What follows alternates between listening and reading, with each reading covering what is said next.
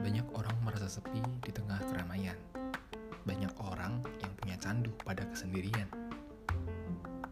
Sesekali manusia memang perlu menangis sejadi-jadinya agar lega.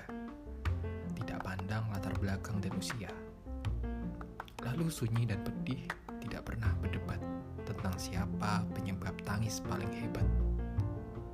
Mencintai diri sendiri bisa hadir dalam bentuk mengakui kelemahan, hancur dan berani memulai.